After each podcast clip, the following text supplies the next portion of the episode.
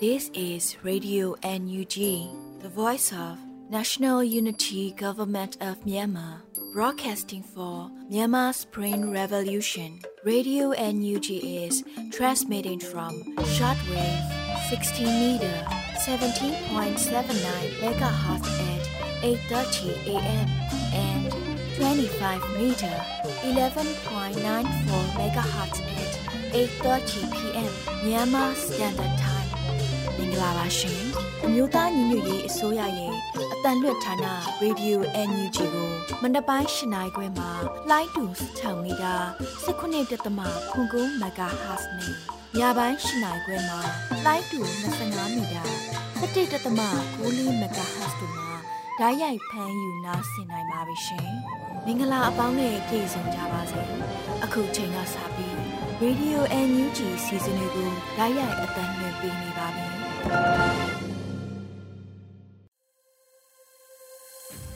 မြန်မာနိုင်ငံသူနိုင်ငံသားအပေါင်းတဘာဝပြီးဆရာနာရှင်ဘေးတို့ကနေကင်းဝေးပြီးကိုစိတ်နှပါဘေးကင်းလုံခြုံကြပါစေလို့ရေဒီယိုညူချီဖွယ်သားများကဆုတောင်းမြတ်တာပို့သလာရပါတယ်ရှင်။အခုချိန်ကစပြီးကာကွယ်ရေးဝန်ကြီးဌာနရဲ့စစ်ရေးသတင်းချင်းချုပ်ကိုတော့မျိုးဦးမှုကဖတ်ကြားတင်ပြပေးပါတော့မယ်ရှင်။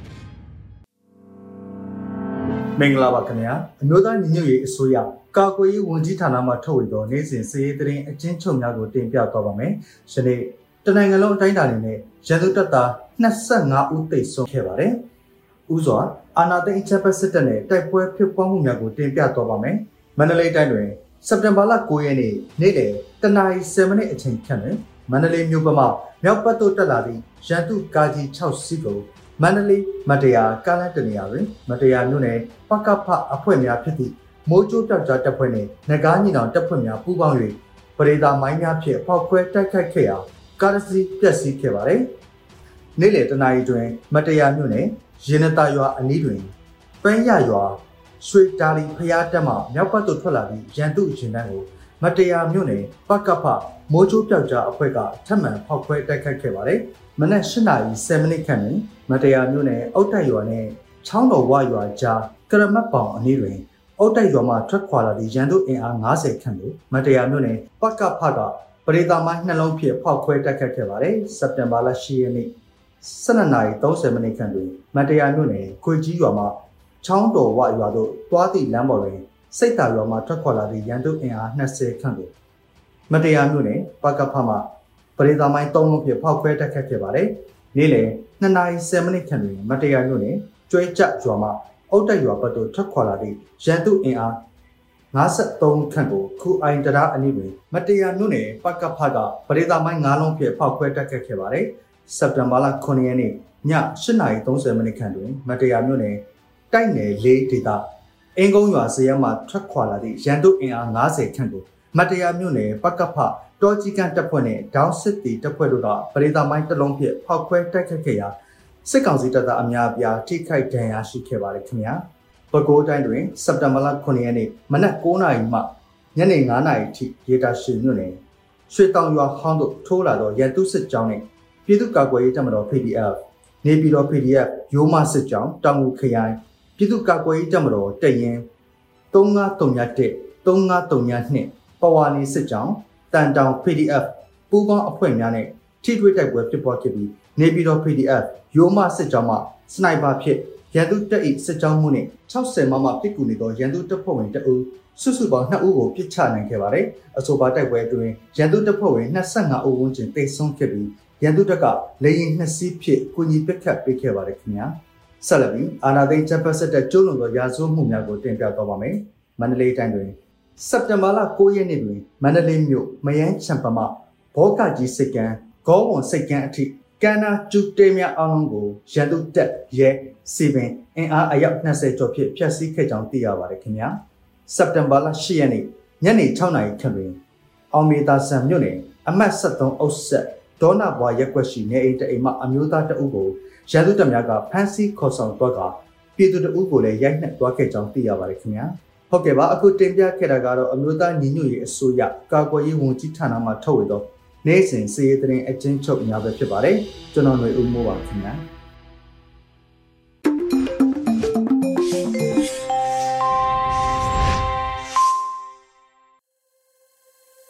ရေဒီယိုညူးချီရဲ့မနက်ခင်းစီစဉ်တွေကိုဆက်လက်တင်လွှင့်ပေးနေပါတယ်။အခုဆက်လက်ပြီးနားဆင်ကြရမှာကတော့ပြည်တွင်းသတင်းများဖြစ်ပါတယ်။မျိုးဦးမိုင်ကဖတ်ကြားတင်ပြပေးပါတော့မယ်ရှင်။ မင်္ဂလာပါရှင်အခုချိန်ကစပြီး Radio UNG ရဲ့2023ခုနှစ်စက်တင်ဘာလ17ရက်နေ့မနက်ခင်းပြည်တွင်သတင်းများကိုဖတ်ကြားပေးပါရမယ်ကျွန်မကတော့နှွေဦးမိုင်းဖြစ်ပါရရှင်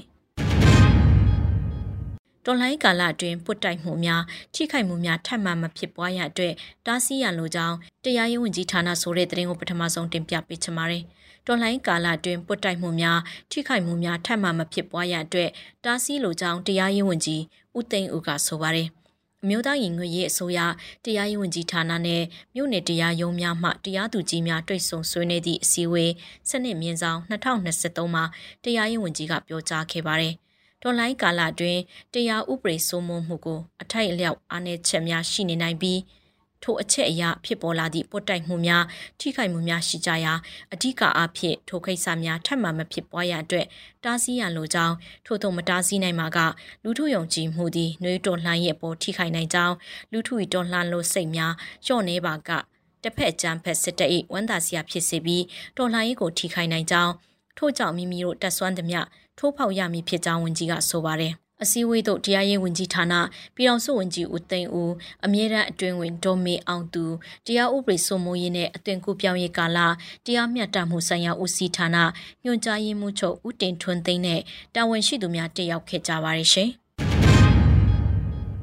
ဆက်လက်ပြီးအမျိုးသားရင်ငွေရေးအစိုးရ၏ဝန်ကြီးဌာန website များကို DDoS နဲ့တိုက်ခိုက်လာတဲ့ cyber attack ကိုချက်ချင်းသိရှိပြီးကာကွယ်နိုင်ခဲ့တယ်လို့နေပြည်တော်ကနေအသုံးပြုခဲ့တဲ့ ISP ကိုပါ IT ဌာနကဖော်ထုတ်နိုင်ခဲ့လို့ဝန်ကြီးဦးထင်လင်းအောင်ဆိုတဲ့သတင်းကိုတင်ပြပါမယ်။ DDoS နဲ့တိုက်ခိုက်လာတဲ့ cyber attack ကိုချက်ချင်းသိရှိပြီးကာကွယ်နိုင်ခဲ့တယ်လို့နေပြည်တော်ကနေအသုံးပြုခဲ့တဲ့ ISP ကိုပါ IT ဌာနက ဖော်ထုတ်နိုင်ခဲ့လို့စစ်တွေရေးသတင်းအချက်လက်နဲ့ဤပညာဝန်ကြီးဌာနပြည်အောင်စုဝန်ကြီးဦးထင်လင်းအောင်ကစက်တင်ဘာ10ရက်မှာပြောဆိုပါရယ် DDoS နဲ့တိုက်ခိုက်လာတဲ့ cyber attack ကိုချက်ချင်းသိရှိပြီးကာကွယ်နိုင်ခဲ့တယ်လို့နေပြည်တော်ကနေအသုံးပြုခဲ့တဲ့ ISP ကိုပါဖော်ထုတ်နိုင်ခဲ့တဲ့ IT ဌာနတစ်ခုလုံးအတွက်ချီးကျူးဂုဏ်ယူပါတယ်လို့ဝန်ကြီးကဆိုပါတယ်။ အမျိုးသားညီညွတ်ရေးအစိုးရ၏ဝန်ကြီးဌာန website များကိုနေပြည်တော်မှ DDoS attraction နဲ့ဖြင့်တိုက်ခိုက်ခဲ့ရာအမျိုးသားညီညွတ်ရေးအစိုးရဆက်သွယ်ရေးတရင်အချက်လက်နဲ့ဤပညာဝန်ကြီးဌာန IT ဌာနကတည်ရှိပြီး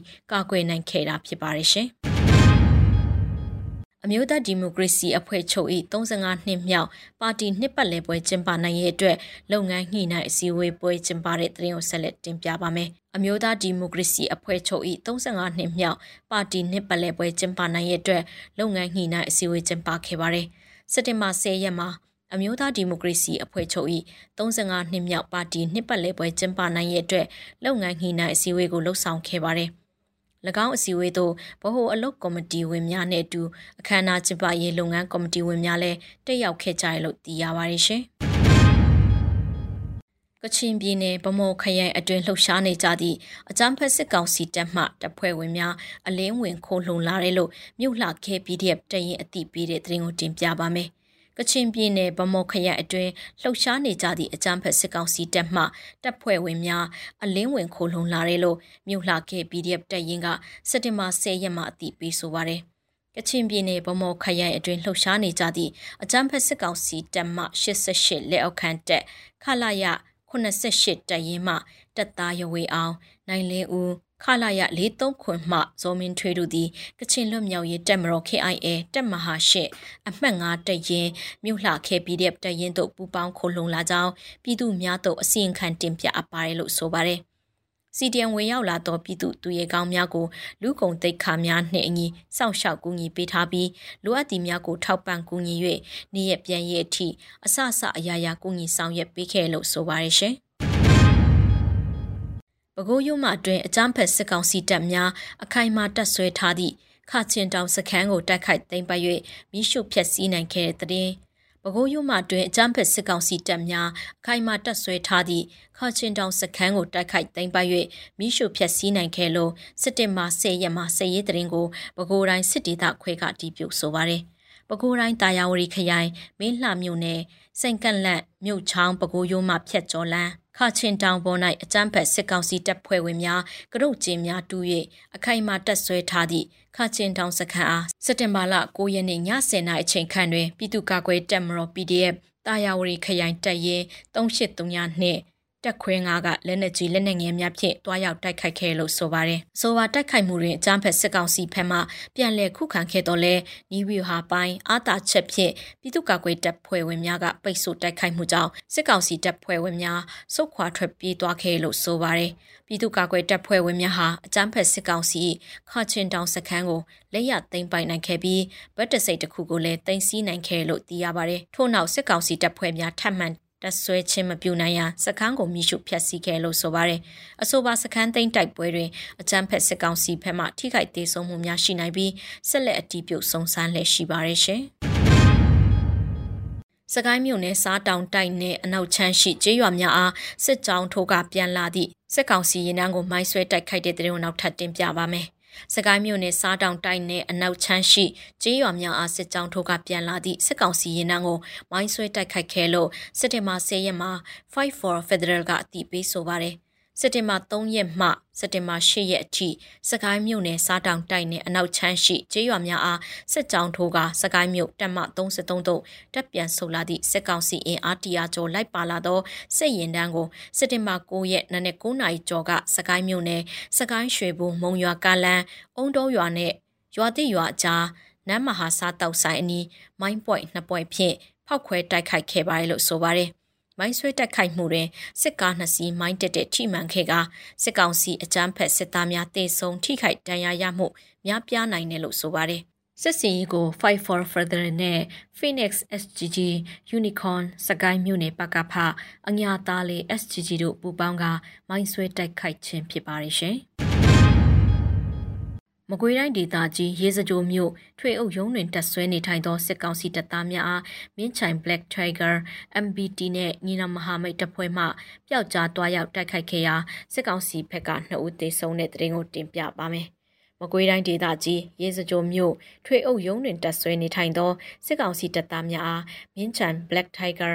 MBT နဲ့ညီနောင်မဟာမိတ်တပ်ဖွဲ့မှပျောက်ကြားတွားရောက်တိုက်ခိုက်ခဲ့ရာစစ်ကောင်စီဘက်က2ဦးသေဆုံးခဲ့ပါတယ်။ စက်တင်ဘာလ9ရက်ည9နာရီအချိန်ခန့်တွင်ကျွန်တော်တို့မြင်းချံ Black Tiger MBT နဲ့ညီနောင်မဟာမိတ်တပ်ဖွဲ့မှတိုက်ခိုက်ခဲ့ရလို့ဆိုပါတယ်။မကွေးတိုင်းဒေသကြီးရေစကြိုမြို့ထွေအုပ်ရုံးတွင်တက်ဆွဲနေထိုင်သောစစ်ကောင်စီတပ်များ2023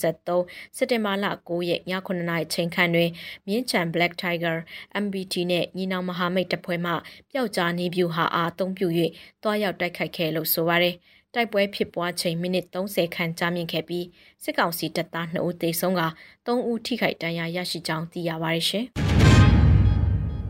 ပထမဆုံးတင်ပို့မှုအဖြစ်ရုရှားနိုင်ငံထုတ် SU-30 တိုက်လေယာဉ်နှစ်စင်းကိုအကြမ်းဖက်စစ်ကောင်စီမှလက်ခံရရှိထားတဲ့သတင်းကိုနောက်ဆုံးတင်ပြပေးသွားပါမယ်။ မြန်မာနိုင်ငံသည်ရုရှားနိုင်ငံထုတ် SU-30 တိုက်လေယာဉ်နှစ်စင်းကို ပထမဆုံးတင်ပို့မှုအဖြစ်လက်ခံရရှိထားကြောင်းမြန်မာနိုင်ငံကုန်သွယ်ဝင်ကြီးချာလီထန်မှရုရှားနိုင်ငံပိုင်သတင်းအေဂျင်စီတို့တနင်္ဂနွေနေ့ကထုတ်ပြန်သည့်သဘောထားမှတ်ချက်တွင် ပြောကြားခဲ့လို့ရိုက်တာသတင်းဌာနမှဖော်ပြပါရယ်။ လေနှစ်စင်းပေးပို့ပြီးပါပြီဒေတာရင်းစီပွားရေးပူပေါင်းဆောင်ရွက်မှုဖွံ့ဖြိုးတိုးတက်စေရန်နဲ့နိုင်ငံခြားယင်းနှိမ့်မြုပ်နှံမှုကိုတွန်းအားပေးရန်ရည်ရွယ်ပြီးပေးအပ်ခဲ့တာလို့တနင်္ဂနွေနေ့မှာပြုလုပ်တဲ့ရုရှား၏နှစ်ပတ်လည်ဖိုရမ်တွင်ချာလီထန်မှပြောကြားခဲ့ပါတယ် SU-30 SME ထိုင်လရင်6စင်းပေးပို့ရန်အတွက်ရုရှားနဲ့မြန်မာတို့စက်တင်ဘာ2022ခုနှစ်တွင်စာချုပ်ချုပ်ဆိုခဲ့ကြောင်းသိရပါတယ်။ SU-30 SME ဗတ်စုံသုံးတိုက်လေယာဉ်သည်ရန်သူ၏ဝေဟင်ပြစ်မှတ်များထိတွေ့ဆက်ဆံမှုဝေဟင်ထောက်လှမ်းမှုတိုက်ခိုက်ရေးအလုပ်ကိုင်းနဲ့လေယာဉ်မှုလေ့ကျင့်ရေးတို့အတွက်ဒီဇိုင်းထုတ်ထားကြောင်းရုရှားနိုင်ငံပိုင်လက်နက်တင်ပို့သူ Rosobron Export မှပြောကြားခဲ့ပါရရှင်။အခုတင်ပြခဲ့တဲ့သတင်းတွေကို Radio UNG သတင်းထောက်မင်းတီဟန်ကပေးပို့ထားတာဖြစ်ပါတယ်ရှင်။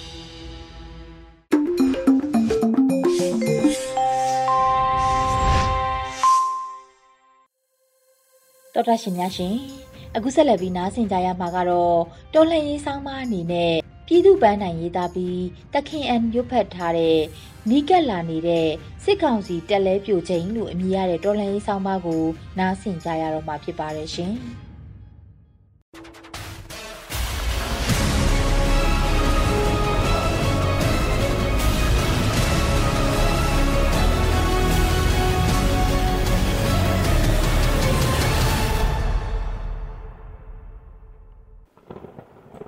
ချိန်ကတက်မတော်ဟာ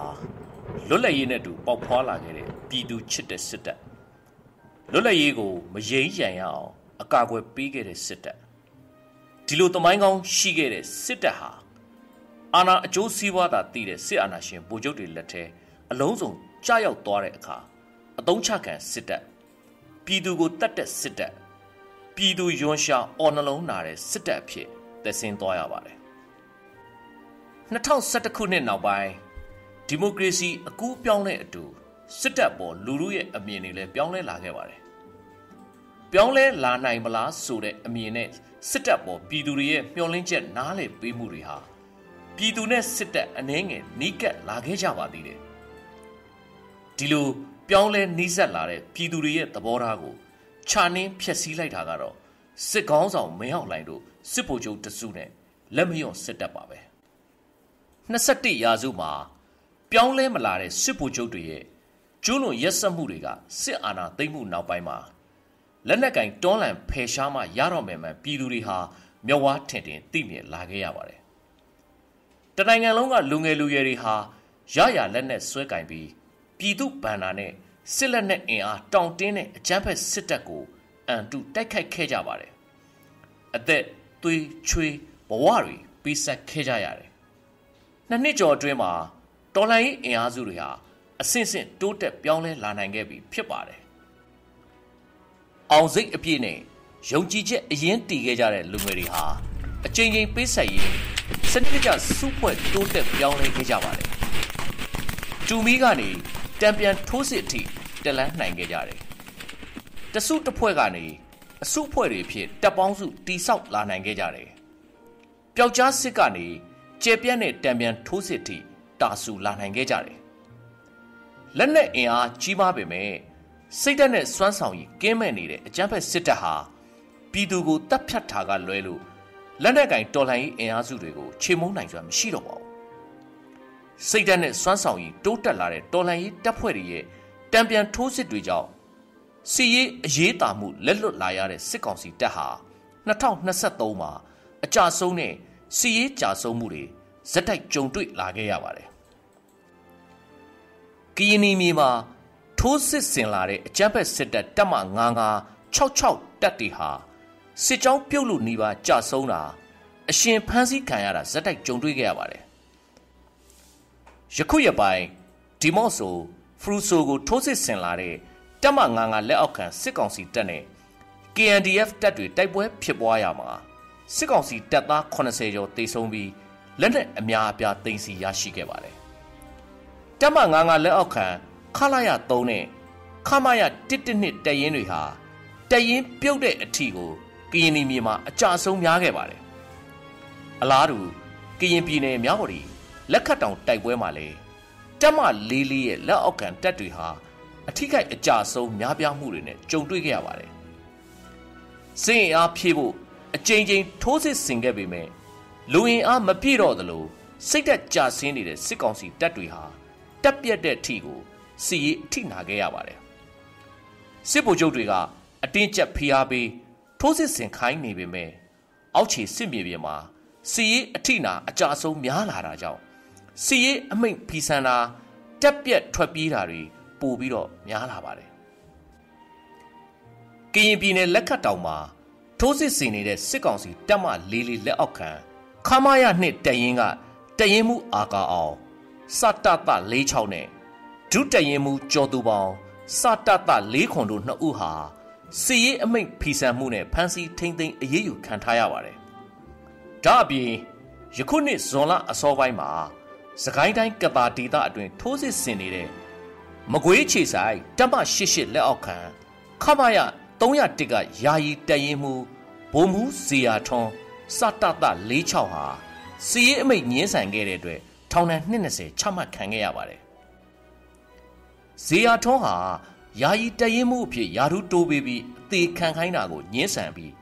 ထောင်ဒဏ်ကိုရွေးချယ်ခဲ့တဲ့လောက်ရအဖြစ်တက်တွင်းမှာလှုပ်ခတ်သွားစေခဲ့ပါတယ်။အလားတူကချင်ပြည်နယ်လိုင်ဇာနန်းဆန်ရန်ဒေသကိုထိုးစစ်ဆင်လာတဲ့စစ်ကောင်စီတပ်ခလာရ7 ခလာရ73ခလာရ411ခလာရ39နဲ့ခမရ308တရင်တွေကတရင်မှုတွေဟာစစ်စင်ရေးအမိန့်ဖီဆန်မှုနဲ့အသီးသီးဖမ်းဆီးချုပ်နှောင်အရေးယူခံခဲ့ရပါတယ်။နတ်ဆိုင်ရန်စစ်စင်ရေးနဲ့တပ်မရှစ်ရှစ်လက်အောက်ခံတပ်တွေရဲ့စီရေးအမိန့်ဖီဆန်မှုတွေဇက်တိုက်ပေါ်ပေါက်လာပြီးတဲ့နောက်မှာကာစထမှုနဲ့မြောက်ပိုင်းစစ်တိုင်းမှုတို့ကိုပါခေါ်ယူထိမ့်သိမ်းအရေးယူတာတွေဖြစ်ပေါ်ခဲ့တဲ့အထိ တက်တွင်းအကွဲပြဲတွေဟာကြုံတွေ့လာခဲ့ပါတယ်ဒီလိုစစ်ဗိုလ်ချုပ်တွေရဲ့အတင်းကျပ်ဖိအားပေးထိုးစစ်ဆင်ခိုင်းတာတွေနိုင်ငံနဲ့မှာစီရေးရှုံးနိမ့်မှုများလာတာနဲ့စစ်မြေပြင်မှာအကြအဆုံးများလာတာတွေကြောင့်စစ်ကောင်စီတပ်ဖွဲ့ဝင်တွေဟာတက်ကနေစွန့်ခွာထွက်ပြေးတာအစုလိုက်အပြုံလိုက်ပြည်သူထံပူးပေါင်းဝင်ရောက်လာတာတွေများပြားလာခဲ့ပါတယ်အမျိုးသားညီညွတ်ရေးအစိုးရ NUG ကထုတ်ပြန်တဲ့စည်းရင်းများအရာဩဂုတ်လတလထဲမှာပင် ပြည်သူရင်ဝင်ပူးပေါင်းဝင်ရောက်လာတဲ့သူ90ကျော်ရှိခဲ့ပြီးတော့ဧပြီလကနေဇူလိုင်လထိ၄လအတွင်းကိုဗိုလ်မှူးအဆင့်အပါအဝင်စစ်ကောင်စီတပ်ဖွဲ့ဝင်900နီးပါးထိပူးပေါင်းဝင်ရောက်လာခဲ့ပါတယ်စစ်ဗိုလ်ချုပ်ကြီးတွေရဲ့ကိုကျိုးအတ္တအာဏာအတွက်အသုံးချနေရတဲ့အကြမ်းဖက်စစ်တပ်ဟာအစောပိုင်းမှာလက်နက်အားကိုနဲ့ပြည်သူလူထုတရလုံးကိုရန်သူအဖြစ်တတ်မှတ်ရန်ကားထင်ရှားဆိုင်ခဲ့တာတွေဖြစ်ခဲ့ပါတယ်အခုတော့ စူစီအားကောင်းခိုင်မာလှတဲ့တော်လိုင်းအင်အားစုတွေရဲ့တံပြန်ထိုးစစ်အောက်မှာစီရေးအထိနာရှုံးနိမ့်မှုတွေဇက်တိုက်ကြုံနေရပြီဖြစ်ပါတယ်စိတ်သက်ခံယူချက်နဲ့စွမ်းဆောင်ရည်စုပ်ယုပ်ကင်းမဲ့လာနေသလိုနိုင်ငံအနှံ့မှာလက်နက်ကင်တော်လှန်မှုတွေကိုရင်ဆိုင်နေရတာစစ်မြေပြင်မှာအကြဆုံးများလာနေတာစီရေးအမိတ်ဖီဆန်မှုတွေတိုးပွားလာနေတာနဲ့ဖမ်းဆီးအရေးယူမှုတွေများပြားလာနေတာ စတဲ့အထွေထွေဖိအားပေါင်းစုံရင်ဆိုင်လာနေရတဲ့အကြမ်းဖက်စစ်ကောင်စီတပ်ရဲ့လဲပြိုမဲ့အချိန်တဖြည်းဖြည်းချင်းနီးကပ်လာနေပြီဖြစ်ကြောင်းကိုသုံးသပ်တင်ပြလိုက်ပါတယ်ပြည်သူပန်းတိုင်း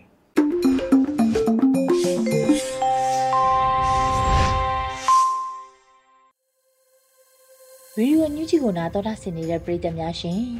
အခုနောက်ဆုံးအနေနဲ့တိုင်းရင်းသားဘာသာစကားနဲ့သတင်းထုတ်လွှင့်မှုအစီအစဉ်မှာတော့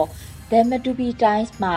Matubi ချင်းဘာသာဖြင့်တပတ်အတွင်းသတင်းတွေကိုနားဆင်ကြရတော့မှာဖြစ်ပါတယ်ရှင်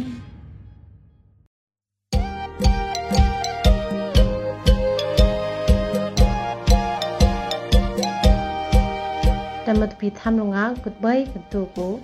September tha ayal khatna ol thang na ta adang ka bangla hela om ni apakhatna matpia electric high level po စစ်ကောင်စီလိုခိုခွိကထံကိုအုံအင် နာစာတိုင်ဟမ်လာဆိုင်ဦးတနကောင်အပန်ဟိနာမလေးရီယာငှက်ဖျားလိုအောင်မင်းဟမ်ကိုထောက်ရှိုအဆိုင်တနကောင်အပထုမနာ CNO CNDF အဝိထုမနာ military training တာထင်လာဆုံဦးတနကောင်အပလီနာမတပီပလဝလုံဘေနာကိုမခကပ်တုံးရလေးကိတဲ့ CDF လိုအကာဦးအတနကောင်အပငါနာဟင်ဟန်ကာခါဝါဆောင်အကစားမတူနူပခတ်ကာအကောင်အပရုကနာချင်းစတာလာအလလန်နက်ပယမတူနူ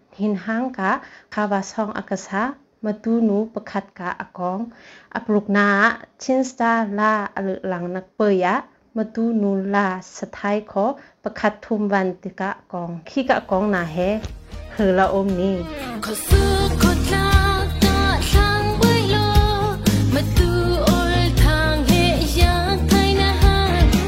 နာမတပီအမုခခေါထီသေးခီဖွေအ electric မိုင်ခေါတီတင်ဟင်ဒူလာမိုင်ဟလိုဝဲလ်ပေါ်တီလာမ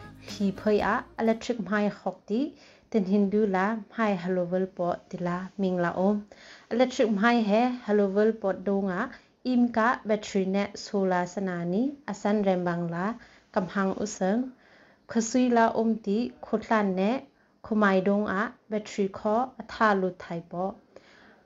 tho ka phui motor na kho long amin dong a ဟလုထိုင်ဝလပတိစငန်ဖူငွန်တာတင်ခတ်လေထောင်ကူလုံငါတင်ခတ်လေထောင်ဆောင်ငါဟိလအဖူကိုင်ဟန်ကိုလခိုဘန်လာယင်ငွန်မင်ဒတ်ဘန်လုံငါဆက်ထိုင်ဒီဟိုပိုင်အယက်ဖွိထိုင်ပတိလာခိုခွိကပိလနမ်ပခတ်လိုအထွေစစ်ကောင်စီလိုခိုခွိကထံကိုအုံအင်နာဘိအနံပါတ်တီလဝတိတိုင်ဟမ်လာဆိုင်ဦးဒီ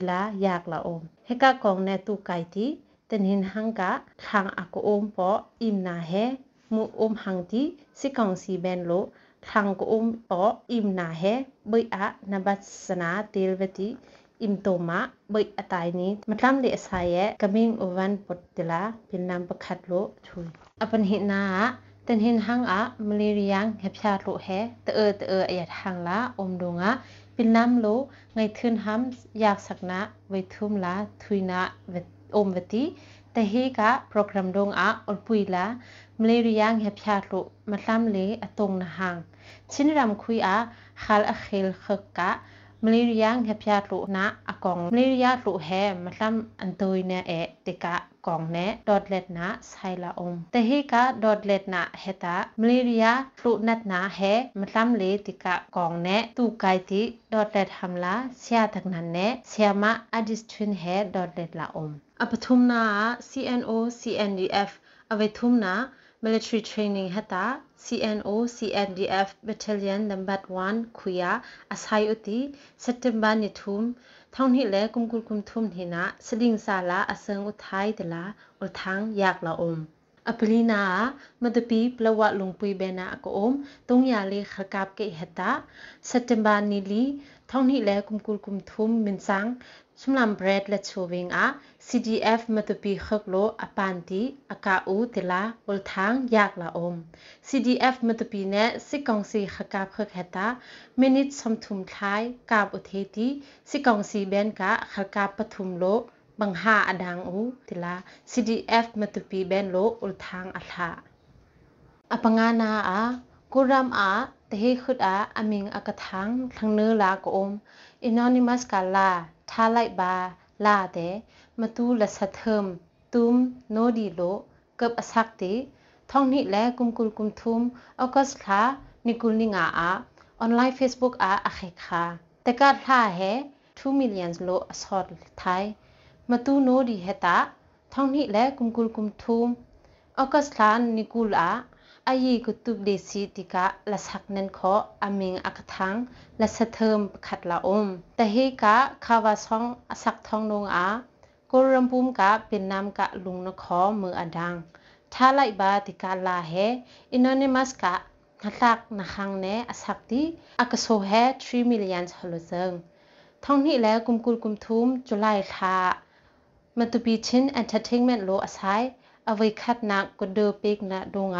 Female Artist of the Year กุดุกอากดังลาอุมเดลาอุลทังอยากละอุมอปรุกนาอะนินหังอะลัสักนันเนอักตุกายชินสตาโลอาศัยลาเลือหลังนาดงอะมัตปีเป็งกะลาอักสท้ายทังเนือประคัดขอทุมเดลาอยากละอุมทางซ้อมทุมอตึกขุยะมาตูนูทรีสลาขอทุมวันเดลาอยากละอุม matpi tham ol thang he NUG radio dong longa kho direct natun thai sang radio ne natun ka ngai luta kol kho ka atu yal takum son ne khat min sang khonak red la chua thala om radio dong longa natun ka ngai nata 16 meter 17.79 megahertz dong long kho natun thai sang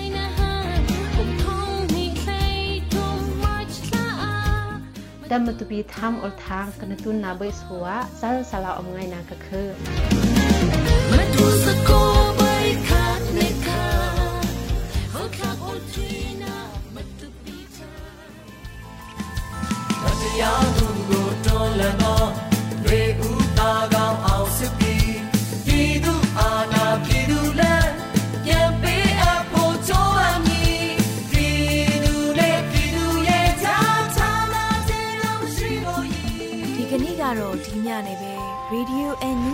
စီအစဉ်လေးကိုခေတ္တရနာလိုက်ပါမယ်ရှင်မြန်မာစံတော်ချိန်မနေ့၈နိုင်ခွဲနဲ့ည၈နိုင်ခွဲအချိန်တွေမှာပြောင်းလဲဆိုပြကြပါလို့ရှင် Radio NUG ကိုမနေ့ပိုင်း၈နိုင်ခွဲမှာလိုင်းတူ16မီတာ19.7မဂါဟတ်နဲ့ညပိုင်း၈နိုင်ခွဲမှာလိုင်းတူ25မီတာ17.6မဂါဟတ်တို့မှာဓာတ်ရိုက်ဖမ်းယူနာဆင်နိုင်ပါပြီရှင်။ မြန်မာနိုင်ငံသူနိုင်ငံသားများကိုစိတ်နှဖျားစမ်းမချမ်းသာလို့ဘေးကင်းလုံခြုံကြပါစေလို့ Radio NUG ရဲ့ဖွဲ့သူဖွဲ့သားများကဆုတောင်းလိုက်ရပါတယ်။ San Francisco Bay Area အခြေစိုက်မြန်မာမိသားစုများနဲ့နိုင်ငံတကာကစေတနာရှင်များလိုအားပေးများရဲ့ Radio NUG ဖြစ်ပါတယ်ရှင်။အရေးတော်ပုံအောင်ရမည်။